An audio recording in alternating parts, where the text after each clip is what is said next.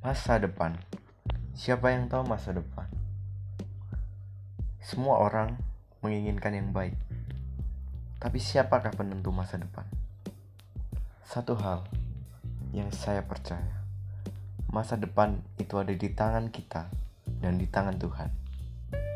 Jika kita berusaha dan Tuhan menghendaki, maka itu akan terjadi.